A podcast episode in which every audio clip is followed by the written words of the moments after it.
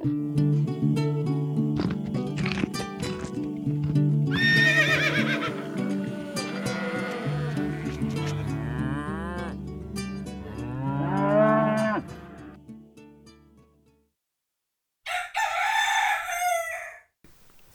god morgen, og velkommen til Gjengevold pludrekast. Har du noen gang tenkt på eh, å ha sånn morgenradiovert som mulig karrierevei? Nei. Bur burde jeg?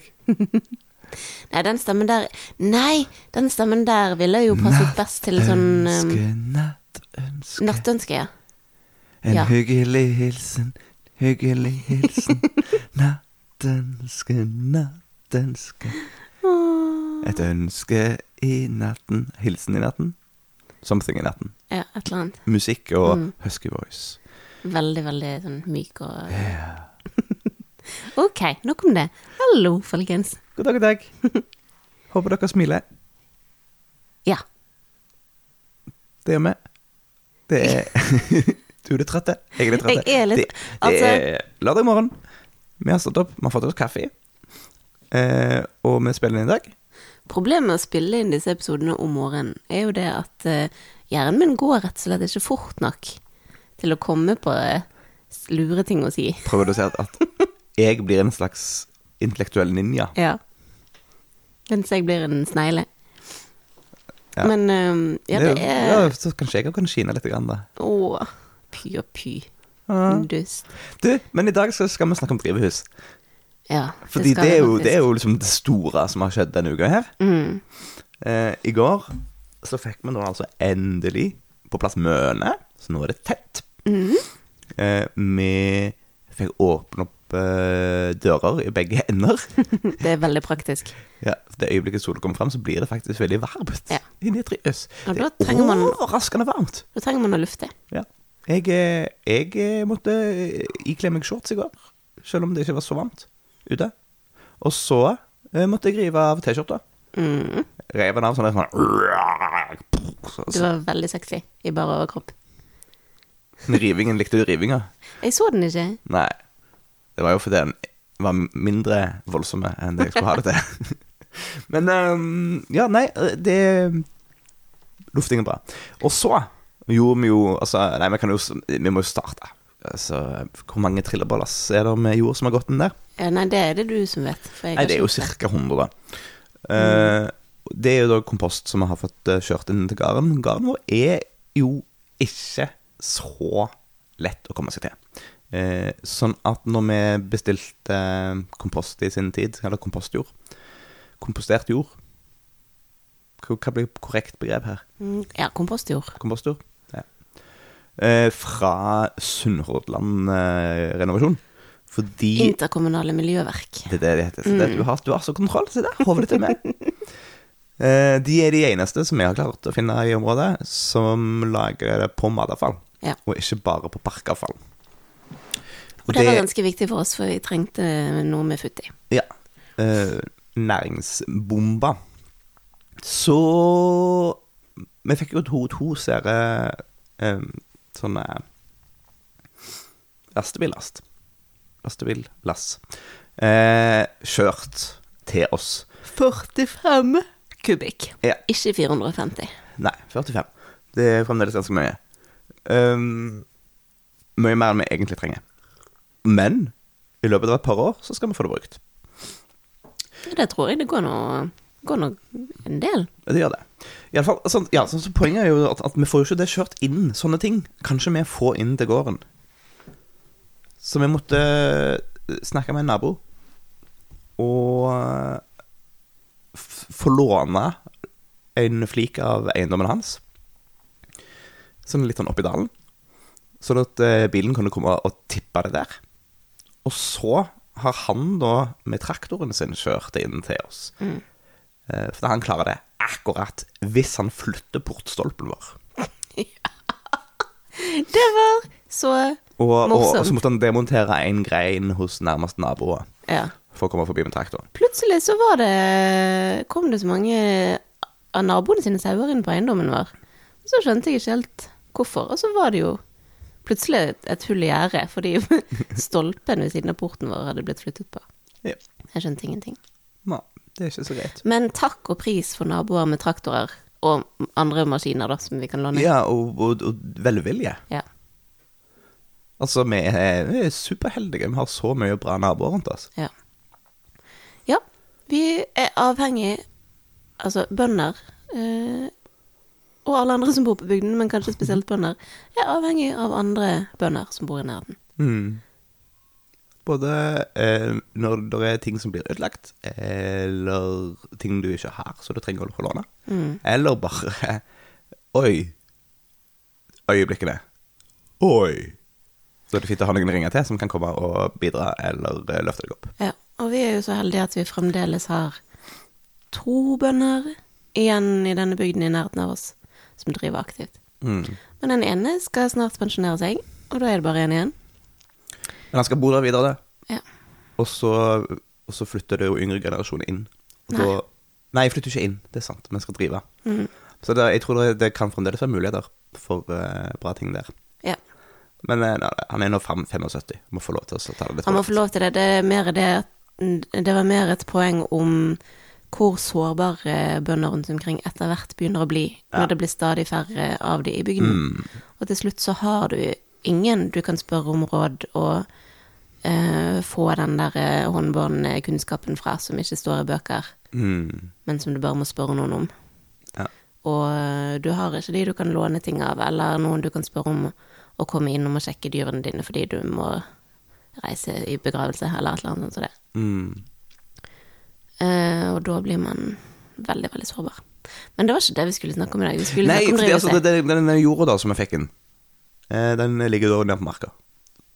Litt sånn dratt det. For det han har jo kommet med sånn tilhengere, og så har han tippa tilhengerne så han kjører framover. Og så har vi fått sånn lang stripe med masse kompostjord. Som har begynt å spise sin egen i enden, da. Eh, den har, hadde vi heldigvis da kjøpt inn masse planesiloplast som vi skulle bruke til, til brakklegging av eh, dyrkingsområder. Så den har ligget over som en slags presenning og holdt det tørt. Heldigvis. Sånn at næringsstoffene ikke renner vekk og alt det der. Så begynte det å regne denne uka. ja, det gjorde det. Eh, og da ble alt det området som har gravd så mye i rundt det drivhuset, både for å få drivhuset ned i, med støyping av sånne søyler og sånt, og, eh, og drenering som vi har lagt der i marka, eh, all den jorda der ble jo sorpa. Mm. Så jeg har balansert på glatte planker med alle disse trillebørene med jord, og sklidd fram og tilbake og fått de inn i drivhuset. Det er virkelig en balansekunst, altså. Å, å trippe av gårde på de der små plankene over et hav av eh, gjørme, seig gjørme, som eh, bare venter på å fange deg opp. Et veldig lite hav, da. Sånn, egentlig. Et lite hav. En, en dam. En, en, en dam, en putt. En putt pluss en dam, kanskje. Men det er For du vanskelig må jo, du må jo brave den, sto, den store kløfta. Ja. Men det er jo vanskelig nok å bevege seg gjennom en putt. Mm. Men det er veldig kult å se når det har regna, da, hvor eh, fort det kommer masse fart i eh, kanalen. Ja, grøften vår funker, Ja, så til de grader. og det er så gøy. Og det er til og med så funker de stikkrøftene som vi har lagt ned i bakken under drivhuset, for der har det også piplet ut vann. Ja. Massevis. Så eh, tenk bare hvor vått det området ville blitt, ville vært hvis vi ikke hadde gjort det. Mm. Ja, nei, veldig bra. Ehm, og så har vi bygd rammer. Fordi vi innså at uh, ja, vi kan ha jord, og så mer jord, og så ligger det liksom litt sånn rundt omkring, uh, forma som bed inne i eh, drivhuset. Men det tar litt tid å få det liksom pakka, og så mister du ganske mye areal i skråning. Altså det du snakker om nå er rammer for å ramme inn bedene Ja. med planker. ja. Ja. Det er ikke sikkert at folk skjønner det. Nei. Men jeg, jeg tenkte jeg, jeg, jeg tror jeg tok en sånn sirkelrunde her. Så jeg, begynte i en ende, da, og så, og så la jeg på litt mer informasjon, og så la jeg på litt mer informasjon, og så, og så skulle det bli veldig tydelig. eh, men dette er jo eh, antageligvis et tilfelle av at, at jeg er våken, og du er sånn trøtt og har sånn seig hjerne. Var det ikke det med meningen? dust. jeg tenker kommunikasjon, det. Ok, så eh, Ja. Vi, eh, vi, vi spiste det sure eplet, eller hva det heter, eh, og kjøpte inn materialer til det. Ja, og ekstra surt er jo det fordi at eh, trevirkeprisene har jo eksplodert den siste tiden. Og de skal fortsette å vokse, er det også meldt. Mm. Eh, og hvorfor var det Det var en eh, sånn- bakkebille, en snutebille Ja, en eller annen bille, bille, bille eh, i Nord-Ameriken som spiser alle bare trærne. Så råvaremangel på verdensbasis. Ja. Men den er også i Norge, i fullt monn, den billen der. Så veldig mange plasser også i Norge så sliter de med barkebille som spiser furutrær. Ja. Så det er nok bare å forvente at kommer til å vedvare. Ja, så det i løpet av Altså, én ting er at det blir jo vanskeligere å skaffe norske materialer. Men det er òg mye dyrere. Så prisene har gått, eh, ifølge damene i butikken, da har de steget 100% siden oktober. Altså det er en dobling i pris. Og så er det nå venta i august en ny stigning på 35 eh, Så sant, En planke som koster 10 kroner, koster nå 20. Og kommer til å koste 25. Eller noe sånt. Um, det har jo gjort at vi har begynt å tenke litt mer seriøst på at vi bør finne alternative løsninger. Ja, det er ikke mange gangene du skal kjøpe inn Altså, nå kjøpte jeg 100 meter med impregnert, vel å merke, da. Um, men 100 meter plank. For å dekke inn disse bedene. Det var ikke et så stort prosjekt. Nei. Det var ikke mange plankene. Det var 22 planker som jeg tok med meg. Og de betaler vi da 4000 kroner for. Mm. Det er ikke mange gjengene vi skal gjøre det, før vi kan heller putte de pengene på en sag. Ja. Og da er jo selvfølgelig alltid et sånt spørsmål om tid og sånt. Men eh, vi liker jo tanken på å heller produsere sånne ting vi trenger sjøl. Ja, vi vil jo være sjølforsynt med tre på samme Eller vi vil jo bruke våre egne ressurser Ja, så langt det av lar seg gjøre. skog. Så akkurat som vi vil bruke våre egne ressurser av alt annet. Nettopp. Jeg snakket med min far om dette. Han det, syntes det var en veldig fornuftig investering. Han syntes det, ja. ja. Vi gjør jo bare fornuftige investeringer. Problemet er at uh, selv om de er fornuftige, så koster de penger. Ja, det er noe dritte det greiene der, altså. Så vi kan ikke ta alle på en gang. Men, um, Men hvis eh, noen har lyst til å uh, uh, investere i en hyperlokal sag, kan dere komme til oss. Det blir bra. Vi fikser det. Eh, Hva koster et sånt sagbruk, da? det kommer jo helt an på. Et som ville fungert for oss? Jeg tror kanskje at jeg så på noen som lå rundt 30, Ja. Eh, som ville være en ok standard, tror jeg, for oss. ja, men det er jo bare dobbelt så mye som flishoggeren vår, det. Ja. Um, så der er jo trikset at, at altså, du har jo eh, mange sånne varianter som er kobla til motorsag. Så har du motorsager, så har du koblet dem på noen sånne skinneløsninger, og så er det ring, så sager du. Um, de koster jo da alt ifra 2000 kroner til de aller enkleste greiene. Men da er det bare noe, en løse kloss som du har på motorsager. Den har jeg egentlig tenkt at det hadde vært kult å ha til litt sånn Nå trenger jeg bare fikse noe grovt, men det er fint at det blir rett. Um, så det er mulig vi har lyst på det uansett. Og så går de oppover og blir litt mer kompliserte. Med liksom sveiver og fysiske altså sånne harde innstillinger av ting og sånt. Ehm, men så hopper du jo over til det som er på en måte litt skikkeligere, og som eh, gir et finere resultat, og det er jo båndsager. For da har du jo sånn fjørstål eh, eh. Det er fjørstål, tror jeg. Vil jeg tro. Anywho, det er jo altså, det ser ut som en båndsag, sånn som du er vant med fra sløyden. Bare at eh, den går på skinner og sager stokkene som ligger der. Ja. Og de kommer selvfølgelig da i forskjellige størrelser og styrke. Mm. og avansert,het. Altså, noen putter du nok penger på det, så kan du bare trykke på en knapp, og så gjør du resten av jobben sjøl. Liksom.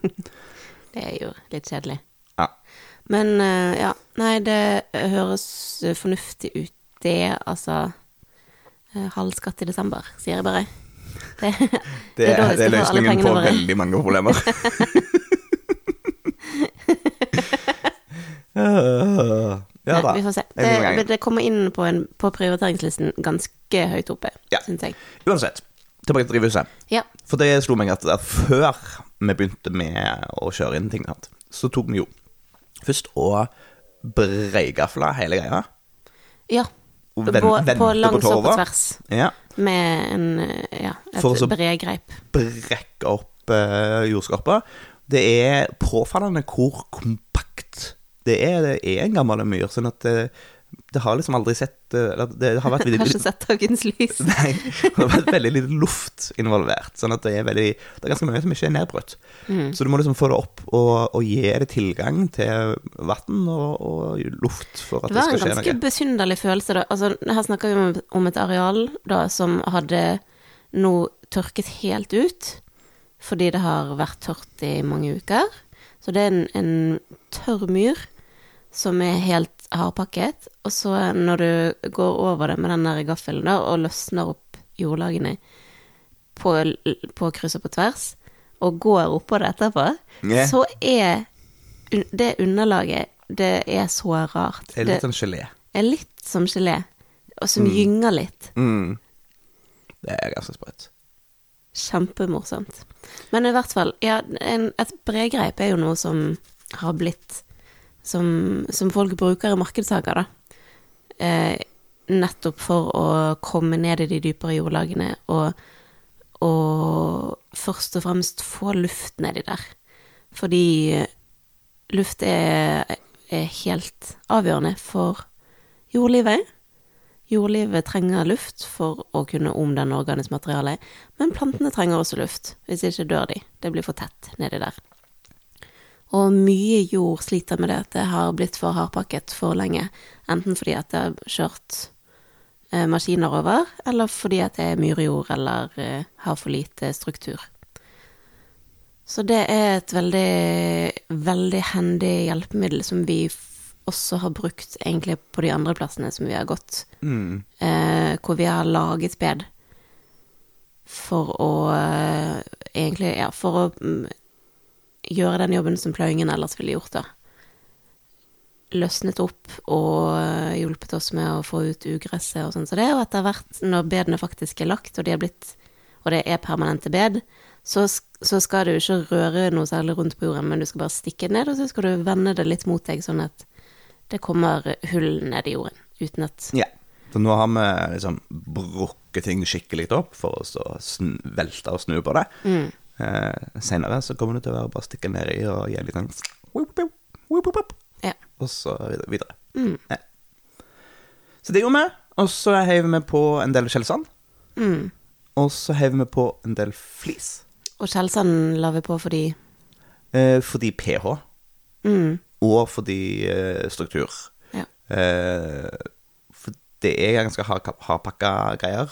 Eh, selv om vi da løsner opp i det, så blir det fort pakka igjen. Sånn at det å få litt mer struktur nede der av ting som, som ikke eh, bare blir til jord igjen og pakker seg, eh, er lurt. Ja. Um, og generelt så er pH-en vår litt sure på jorda, på, ja, i jorda, all jorda på gården. mm, Eh, så det å sakte, men sikkert heve opp, sånn at det kommer til å Det blir naturlig å hive på litt skjellsand hvert år, og så blir det sakte, men sikkert bedre. Ja. Det er liksom utgangspunktet der. Eh, så hiver vi på litt flis, og det er litt vågalt. Altså da flis som vi har hogd opp med flishoggeren vår fra når vi har rydda skog. ja, men vi hever ikke på så mye. Nei, vi gjorde ikke det. Men det er jo òg fordi vi ville ha struktur, og tenker at det er litt større klumper nede der bidrar til å gi vannet plasser å gå, og luft og kan fange seg og sånt. Mm. Eh, det, grunnen til å ikke ville ha det, er jo at i utgangspunktet så vil planter av liksom typen mat og sånt eh, like andre typer bakterier enn skog gjør.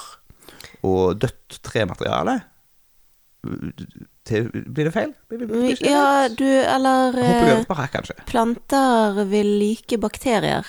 Punktum. Ja, Men skog liker sopp. ja sånn blir det. det. er jo Ja. det er jo som regel en, en blanding av bakterier og sopp i jorden.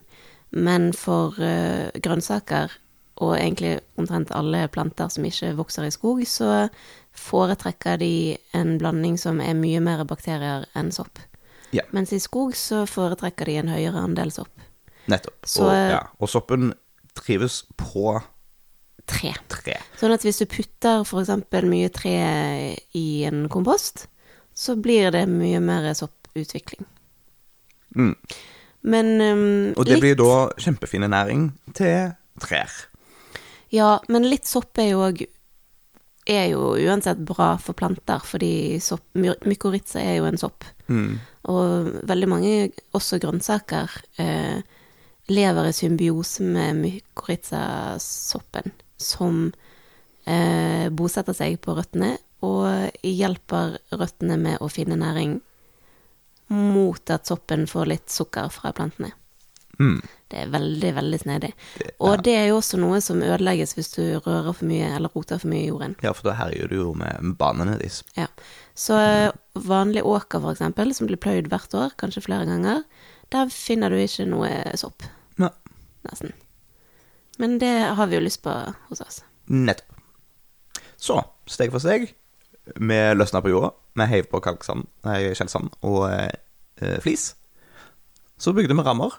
Eller jeg begynte faktisk å legge opp et bed, og så fant jeg ut av at eh, eh, vi trenger rammer. vi får putta på de pengene. Igjen. Alltid ekstra penger. Ja. Og, og så var det da å bygge rammer. Og så var det å kjøre trillebår. Og da begynte jeg å kjøre trillebår. Først alene, og så fikk vi heldigvis hjelp. Mm. Så de siste par dagene så har eh, min far eh, og fru vært her og hjulpet oss med å kjøre trillebår. Det har vært veldig nyttig. Det har vært enormt stor hjelp. Ja. Så eh, fordi du kan bli gal av å kjøre trillebår alene, altså. ja. Eh, Det er veldig fint å se at det går dobbelt så fort. Og i hvert fall i regnet. Ja. Ja. Så eh, Når det var gjort, så Kunne vi stå og se litt på hvor fint det var. Ja. Um, og jeg er veldig fornøyd med at vi valgte å bruke de plankene, for det er så mye teitere og penere, og jeg tror det blir så mye enklere å jobbe i. ja. Altså på de andre dyrkingsplatene våre så har vi jo bare opphøyde bed med flisegangene, og ingen sånn klare grenser for hvor bedene slutter. Um, og jeg liker litt i grensen, jeg. Men eh, ja, så gikk vi over med gaffel en gang til, oppi bedene. Mm. For da hadde vi jo tråkket litt rundt omkring på de og sånn. Skal vi si noe om layouten? Eh, ja, det kan vi òg. Ja. Det er I utgangspunktet så er det delt inn i fem. Altså langs langsidene, der hvor For vi har eh, altså formen på selve drivhuset Gå inn på Insta og se på noen bilder, da. Det er mye enklere. Ja. Men, det, Men- det er altså fem meter i bredden og tolv meter i lengden. Eh, og det eh, er en eh, Toppen av en gotisk Gotisk bue. Sant? Altså at det, det svinger inn mot toppen, så møter det toppepunktet, og så i, i vinkel, liksom, og så svinger det ned på andre sida. Mm. Det ser litt ut som to, to, to hender som du holder opp mot hverandre med Ja, ja, det er en gotisk, et gotisk drivhus. Ja. Så eh, på sidene, da, der hvor det begynner å skråne ganske fort, der har vi sm smalere bed på 50 cm eh, til mindre planter, som ikke trenger å bli så høye. Så begge to langsidene har to smale bed, og så er det tre bed i midten, sånn i utgangspunktet. De bedene er på 70, vel, godt, og vel 70 cm.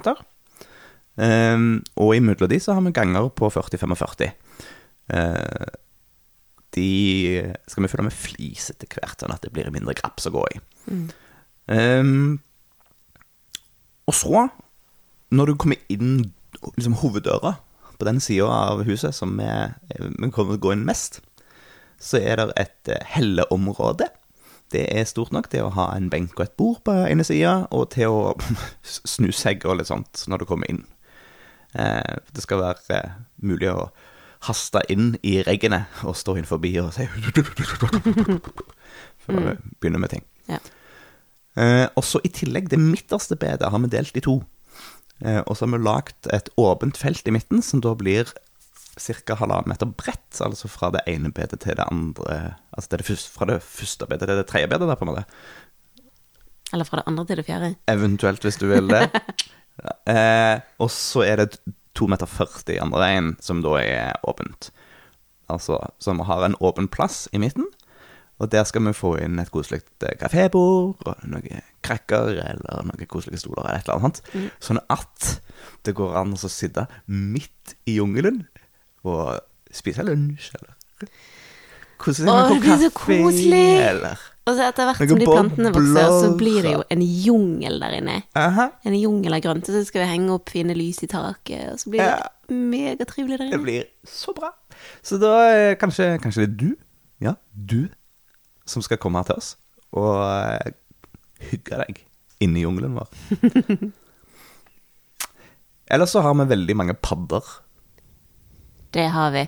Vi har et, et paddedrivhus. Det er så koselig. Jeg elsker jo padder og frosker. Det er de beste dyrene i verden. Det var veldig mange padde eh, nær paddeopplevelser i går. Jeg holdt på å binde opp eh, noen av plantene. Vi kommer tilbake til de plantene for øvrig. Og så sitter jeg der og så holder jeg på å knytte, så plutselig spretter jorda foran meg. Det er en padde som har gravd seg ned i den fuktige jorda, og hadde det veldig fint fram til jeg begynte å pirke ned i den. da.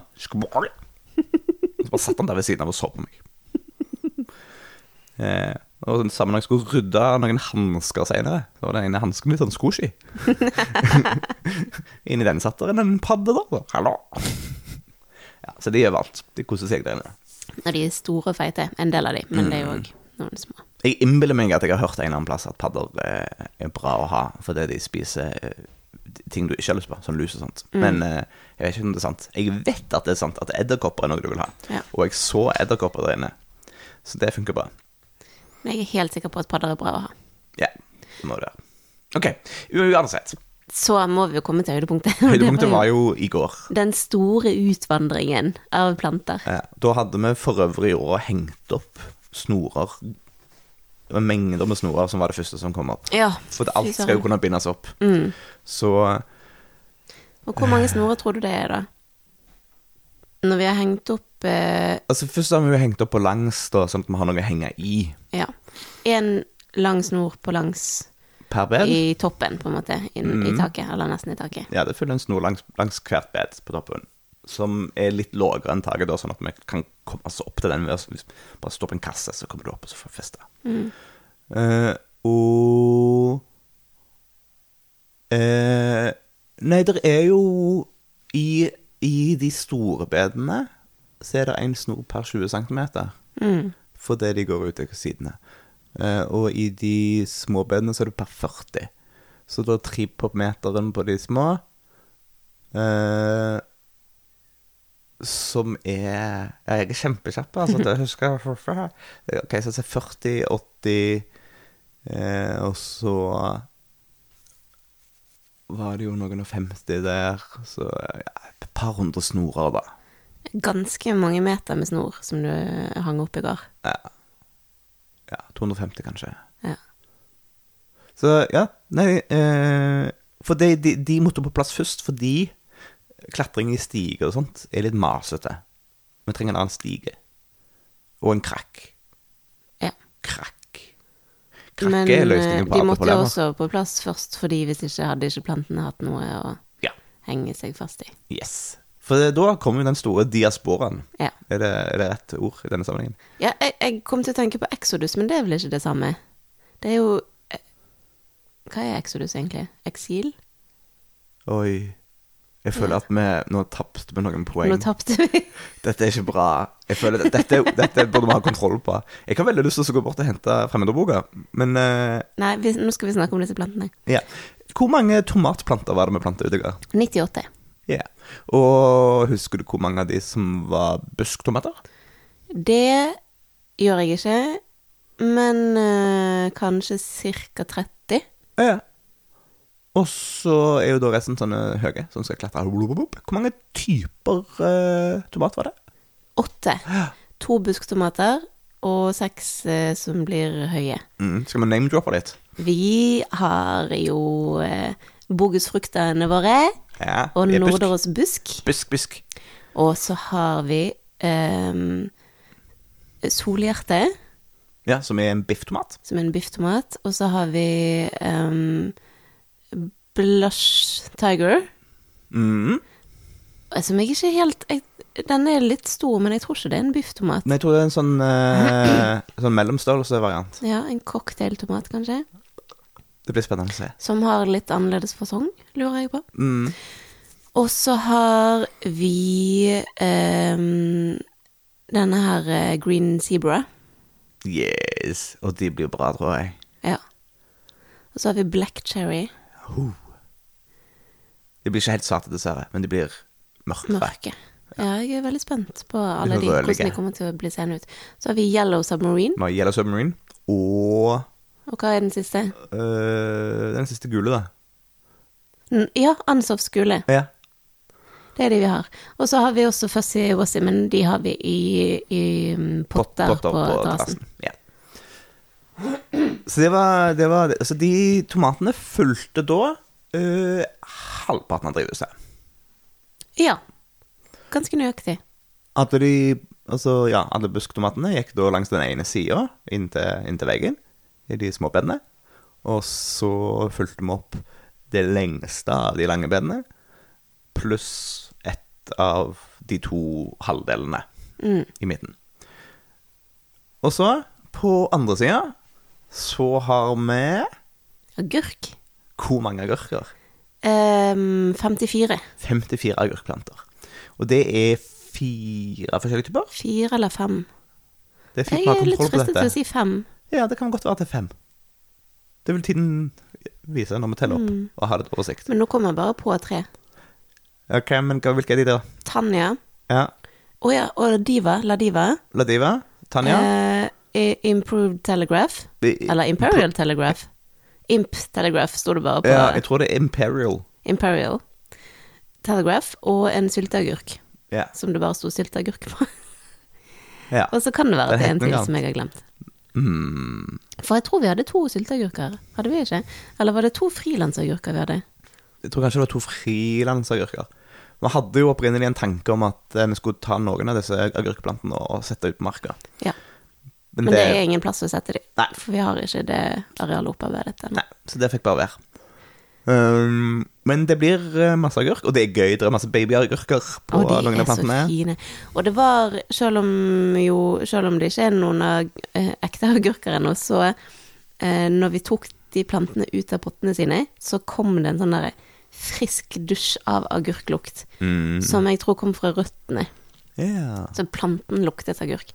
Og det var sånn Og da var det så varmt der inne, og vi var så tørste, og så får du den der agurklukten, og bare sånn Mm. Forestill deg å bite tennene inn i en sånn skikkelig saftig agurk, og jeg gleder meg sånn til vi kan gå ut og plukke de. Jeg skal ut og vanne nå eh, etterpå. Og jeg gleder meg til å lukte som å møte meg. Jeg, ja, jeg er så spent på om de kommer til å trives der de står, for det har jo vært en vanvittig overgang fra de, for de. Mm. Fra de der bitte, bitte små pottene som de har fått. men vi må gi dem noen dager for at de skal finne ut av ting, tenker jeg. Ja. Men de pottene, de har jo stått i, i den jorden som, eh, som eh, er å få tak i, da, når du skal Mm. når du skal plante, som jo stort sett er torvjord, eller i hvert fall jord iblandet torv. Og torv er jo myr, så kanskje de føler seg litt hjemme. Det kan du håpe. ok, la oss eh, hoppe videre, da. Nå har vi, nå har, nå har vi fulgt opp eh, Fire bed. Ja, så alle de tre store pluss ett av de sm- små og lange. Så nå har vi ett sånn langt ett igjen, et inntil veggen. Ja. Eh, og der har vi, fra ene side til den andre Der har vi eh, små auberginer eh, Ja. av typen kono. Kono. Ni planter. Mm. Så har vi Og Det er en eh, slags test. Ja, dette er alle, er alle disse her er jo test. Så det blir jo veldig spennende å se hvordan de Og oppfører seg. så endte vi opp med fire tomatilloplanter. Ja, den ene måtte dø. Ja, og så har det jo dødd flere underveis. Mm. Um, og tomatillo, for de som ikke vet det, er jo en slags tomatplante som ser litt ut som en fysalis. For de som vet det, de der eh, bærene, oransje bærene med sånn, eh, Som du får i, sånn blad rundt ja, i drinker eller på toppen av eh, fruktcocktailen din. Ja. Og de, eh, altså tomatilloene kommer vel fra Mellom-Amerika, og er stort sett brukt i salsa. Man skal ikke bruke de rå. Hmm. Men så høster man de òg når de er umodne. Jeg vet ikke helt Vi må utforske dette litt nærmere, føler jeg. Men eh, det har vi jo da plantet bare for å se hvordan de blir, og teste hvordan de smaker. Mm. Jeg tror ikke at vi skal satse på storskala tomatillo-dyrking. Jeg tror ikke markedet vårt er der for det. Med mindre Nei. vi skal begynne å produsere haugevis av salsa. Det er jo løye. Det hadde vært uh... Og så, etter tomatilloene, da, så Mhm. er det eh, ti fysalisplanter. Altså disse her bærene. mm, Som, vi, som er gode De bær. Vi er veldig glad i de. Mm. Jeg syns det smaker veldig godt. Ti av de. Og så innimellom eh, plantene her og der, så skal vi plante litt andre ting. Ja, for det er jo liksom en strategi for å bruke arealet. Vi har nå tross alt opparbeidet oss her. La oss bruke det. Mm. I tillegg så fungerer det jo som bånddekke, som gjør at det holder bedre på fuktigheten. Samtidig som de trenger mer vann, da, så det er litt sånn funky. Eh, Men eh, Mindre evaporasjon. ja. Og, og kanskje også mindre ugras, fordi det blir dekka til. Ja. Så nå har vi Vi har plantet ut tre ulike typer basilikum som vi har forkultivert. mm, Så skal vi så litt mer basilikum, og så skal vi plante ut salatene våre. Yes. Og vi skal plante så mer salat, og plante ut mer salat, og ha det gående. Ja, gjennom hele sommeren. Ja. Det er egentlig planen. Og så, når tomatene er ferdig, så skal vi ta ut tomatplantene og erstatte det med med mm, vinter- eller høstsalater. Mm. Type asiasalater og sånn som tåler mer kulde. Så skal vi ha det utover eh, mot jul. Mm. Det blir veldig kult. Eh, vi trenger tips om solcelledrevet lysekroner.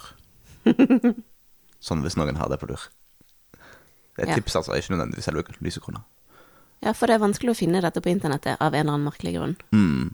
Og vi, vi føler at eh, krystallpalasset vårt fortjener ei krystallkrone. Ja. Eller iallfall noe eller som ser fjongt ut. En plastkrone med med solceller. Noe fint. Ja. Yeah. Nei, det kan nok være fordi at eh, La meg tenke at dagens teknologi ikke helt er god nok til å lyse opp en stor eh, Jeg nekter. Vi har veldig lyst på det, i hvert fall. Vi har lyst på noen fine lamper der inne. Mm. Og vi har jo ikke strøm i det drivhuset, så det bør helst være solceller. Ja. Vi får se om vi på et eller annet tidspunkt gjør noe med det. Men i utgangspunktet ikke. Men det var det om drivhuset. Ja. eh, Vi hva var det vi ikke fikk plass til? Vi, ja. For det, vi skulle egentlig ha mer inn. Ja, ja, ja. Alle chiliene og paprikaene måtte vi Ja. Måtte vi flytte Så tilbake igjen hvor mange chilier er det ja, hvor mange som vi plantet ut, og så måtte ta inn igjen? Eller Ja, sånn for det, for det gjorde vi da faktisk. Altså, vi planta ut hva, ni stykker eller noe sånt. Ja. Som uh, uh, vi endte opp med å grave opp igjen og ta inn. ja, for vi så at det ble ikke plass, og da tenkte jeg at ok, men da samler vi alle paprikaene og chiliene på ett sted, for de er jo i samme familie. Ja, det er tilsvarende behov. Ja. Ehm, og nei, hva var det vi telte da? At vi har kanskje 20 chiliplanter og tilsvarende mange paprikaplanter? Jeg tror det er cirka der. Ja. Ja. Så de må, vi, de må jo da stå i oppholdshuset der de har stått hele tiden, men vi må eh, gi de litt bedre rom til røttene sine. ja så nå Så vi å har vi begynt jobben med å potte om. Og det skal pottes om litt mer i dag, og, og litt framover. Ja. Til alt er på plass. I tillegg så er det et Var det 30? Det var mange. Jeg tror det var 29 Kroketomater. kro kroketomater. Ja, busktomater, som ikke har et hjem. Ja. Og vi kan jo ikke kaste noen. Nei, det går Altså, vi kan ikke kaste friske planter. Så vi kommer til å vasse i det på terrassen vår. Og det blir så fantastisk fint. Flaks at vi har stor terrasse som er overbygd. Ja. Den er lun og fin, og vi kan gå ut i sokkelesten Men var det så mange vanne. planter, altså? Jeg tror det Ja, for vi har jo Nå på terrassen vår så har vi vel kanskje 20 planter allerede. Så det blir 50, da? Til sammen. Ja. det er ganske Blir så avsindig. Jeg håper at noen setter pris på tomatene våre utenom oss. Men eh, vi skal iallfall sette pris på dem. Vi skal kose oss masse med tomater. Eh, og, og strategien er jo at når Nei, dette er min, min, min store plan. Og så får vi se hvor eh, realistisk det er. Men eh, når vi kommer til høsten, og vi får masse tomater som enten ikke rekker å selge, fordi de, sånn at de blir litt squishy, eller som er litt eh, litt umodne, så kan vi blande dem med sånn herlig solmodne tomater. Og så putter vi det oppi gryta sammen med løk fra egen eh, hage. Hvitløk fra egen hage. Kanskje litt paprika fra egen hage. Litt chili fra egen hage. Basilikum fra egen hage. Og så litt innkjøpt salt og olje. Ja. Og så lage den beste tomatsausen ever. Jeg håper at vi klarer å lage noe som svarer til forventningene dine. Tenk så kjedelig hvis det smakte helt likt som den du kjøper i butikken. Men det tror jeg ikke, altså. Nei. Så dette er jo min strategi både for øh, å kose seg. Tenk på det pastamåltidet. Ho, ho, ho. Nå må vi bare dyrke egen hvete. Ja. Og så eh, Ja, nei, tenk på det måltidet. Det blir, det blir så bra. Og så kan vi forhåpentligvis da eh, For hvis vi klarer å, å gjennomføre det, det totalt minus olje og salt, lokale sausprodukter, så er jo det eh, sinnssykt eksklusivt. Det er det, og det må det nesten være hvis hvis vi skal kunne ta den prisen vi trenger for at det skal gå rundt. um, for um, hvis du tenker økonomisk på denne tomatdyrkingen vår, da, så er det vel ingen jeg har snakket med som driver markedshage, som sier at, altså, at tomater lønner seg å ha sånn i seg sjøl. Hvis du tenker pris per kilo. Ja, hvis du selger det Hvis du selger tomater, Hvis du selger ferske tomater, tomater, ja. så er det, er det kjørt. og, eh, ja, og arbeid som går inn, da. Nettopp fordi at det er så mye jobb med de, og, de, og så er det jo ikke så mange kilo du får ut av hver plante, liksom. Jeg er spent på hvor stor avlingen vår faktisk blir av disse tomatene. Snakker vi om at vi kan lage store gryter med tomatsaus, liksom? Det aner jeg ikke. Men um, i seg sjøl så er det jo i hvert fall ikke så mye økonomi i det, da. Men det er fint full i en eh, pose. Ja, med for det er andre ting jo i. det at folk liker tomater, og det er gøy å kunne ha en liten variasjon av ulike ting. Mm. Og det ser veldig flott ut når du blander det sammen med andre grønnsaker i en pose. Ja. Sånn at det vil gi veldig merverdi til de posene vi har tenkt å selge. Mm. Eh, og så først og fremst tror jeg at vi får veldig mye glede ut av det. Ja, det, jeg har jo lyst til å flytte inn i dette drivhuset nå, jeg. Ja. For det er Ja, det er viktig å tenke økonomi, men det er også viktig at vi dyrker ting som vi liker. Mm. At vi finner en blanding der. Og tomater er en av de tingene som jeg tror vi begge er veldig glad i. Mm. Og så er det andre ting som vi bare ser at eh, økonomisk sett så gir det så lite mening at det skal vi ikke drive med. Det er sånn type kålhover. Ja. Det tar så lang tid å utvikle og bruker så mye plass i bedet at det er helt tullete. Ja. Du må ha store arealer og jobbe maskinelt hvis det skal gi mening. Eller bare store arealer, for så vidt. Har du store nok arealer, så kan du alltid det, sette av noen hundre meter til det, og så sanke de når de klarer, liksom. Ja. Men uh, i så små skala som vi har, så må vi være Må vi bruke mer av bedene våre. Plante flere ting ved siden av hverandre, og flere lag og sånt.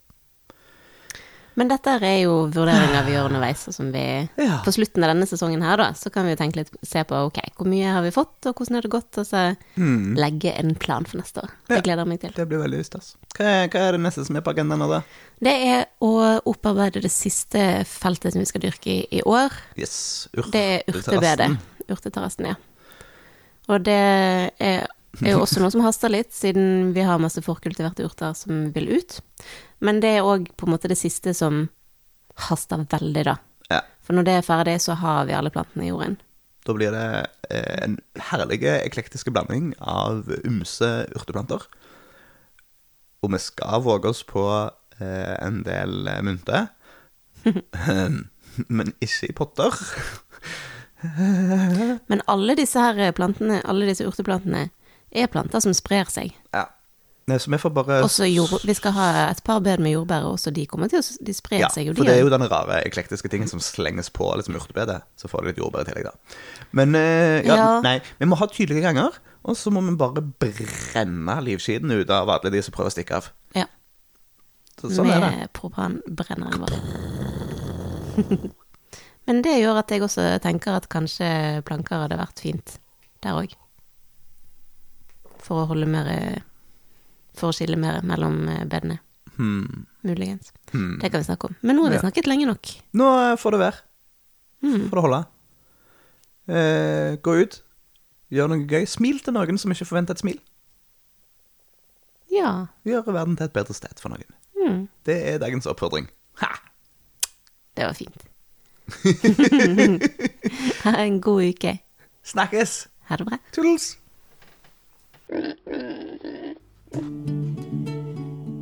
Tusen takk for at du har hørt på Gjengevold pludrekast. Hvis du har en tilbakemelding på podkasten, så blir vi kjempeglad for å høre fra deg.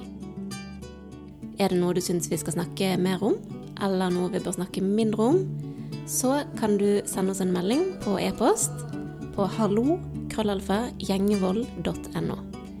Du kan også komme i kontakt med oss på Facebook på Gjengevold mangesysleri, på Instagram ett mangesysleriet, og på nettsidene våre gjengevold.no. Vi setter utrolig stor pris på å høre fra deg, og vi blir ekstra glad hvis du har lyst til å dele denne podkasten med en venn.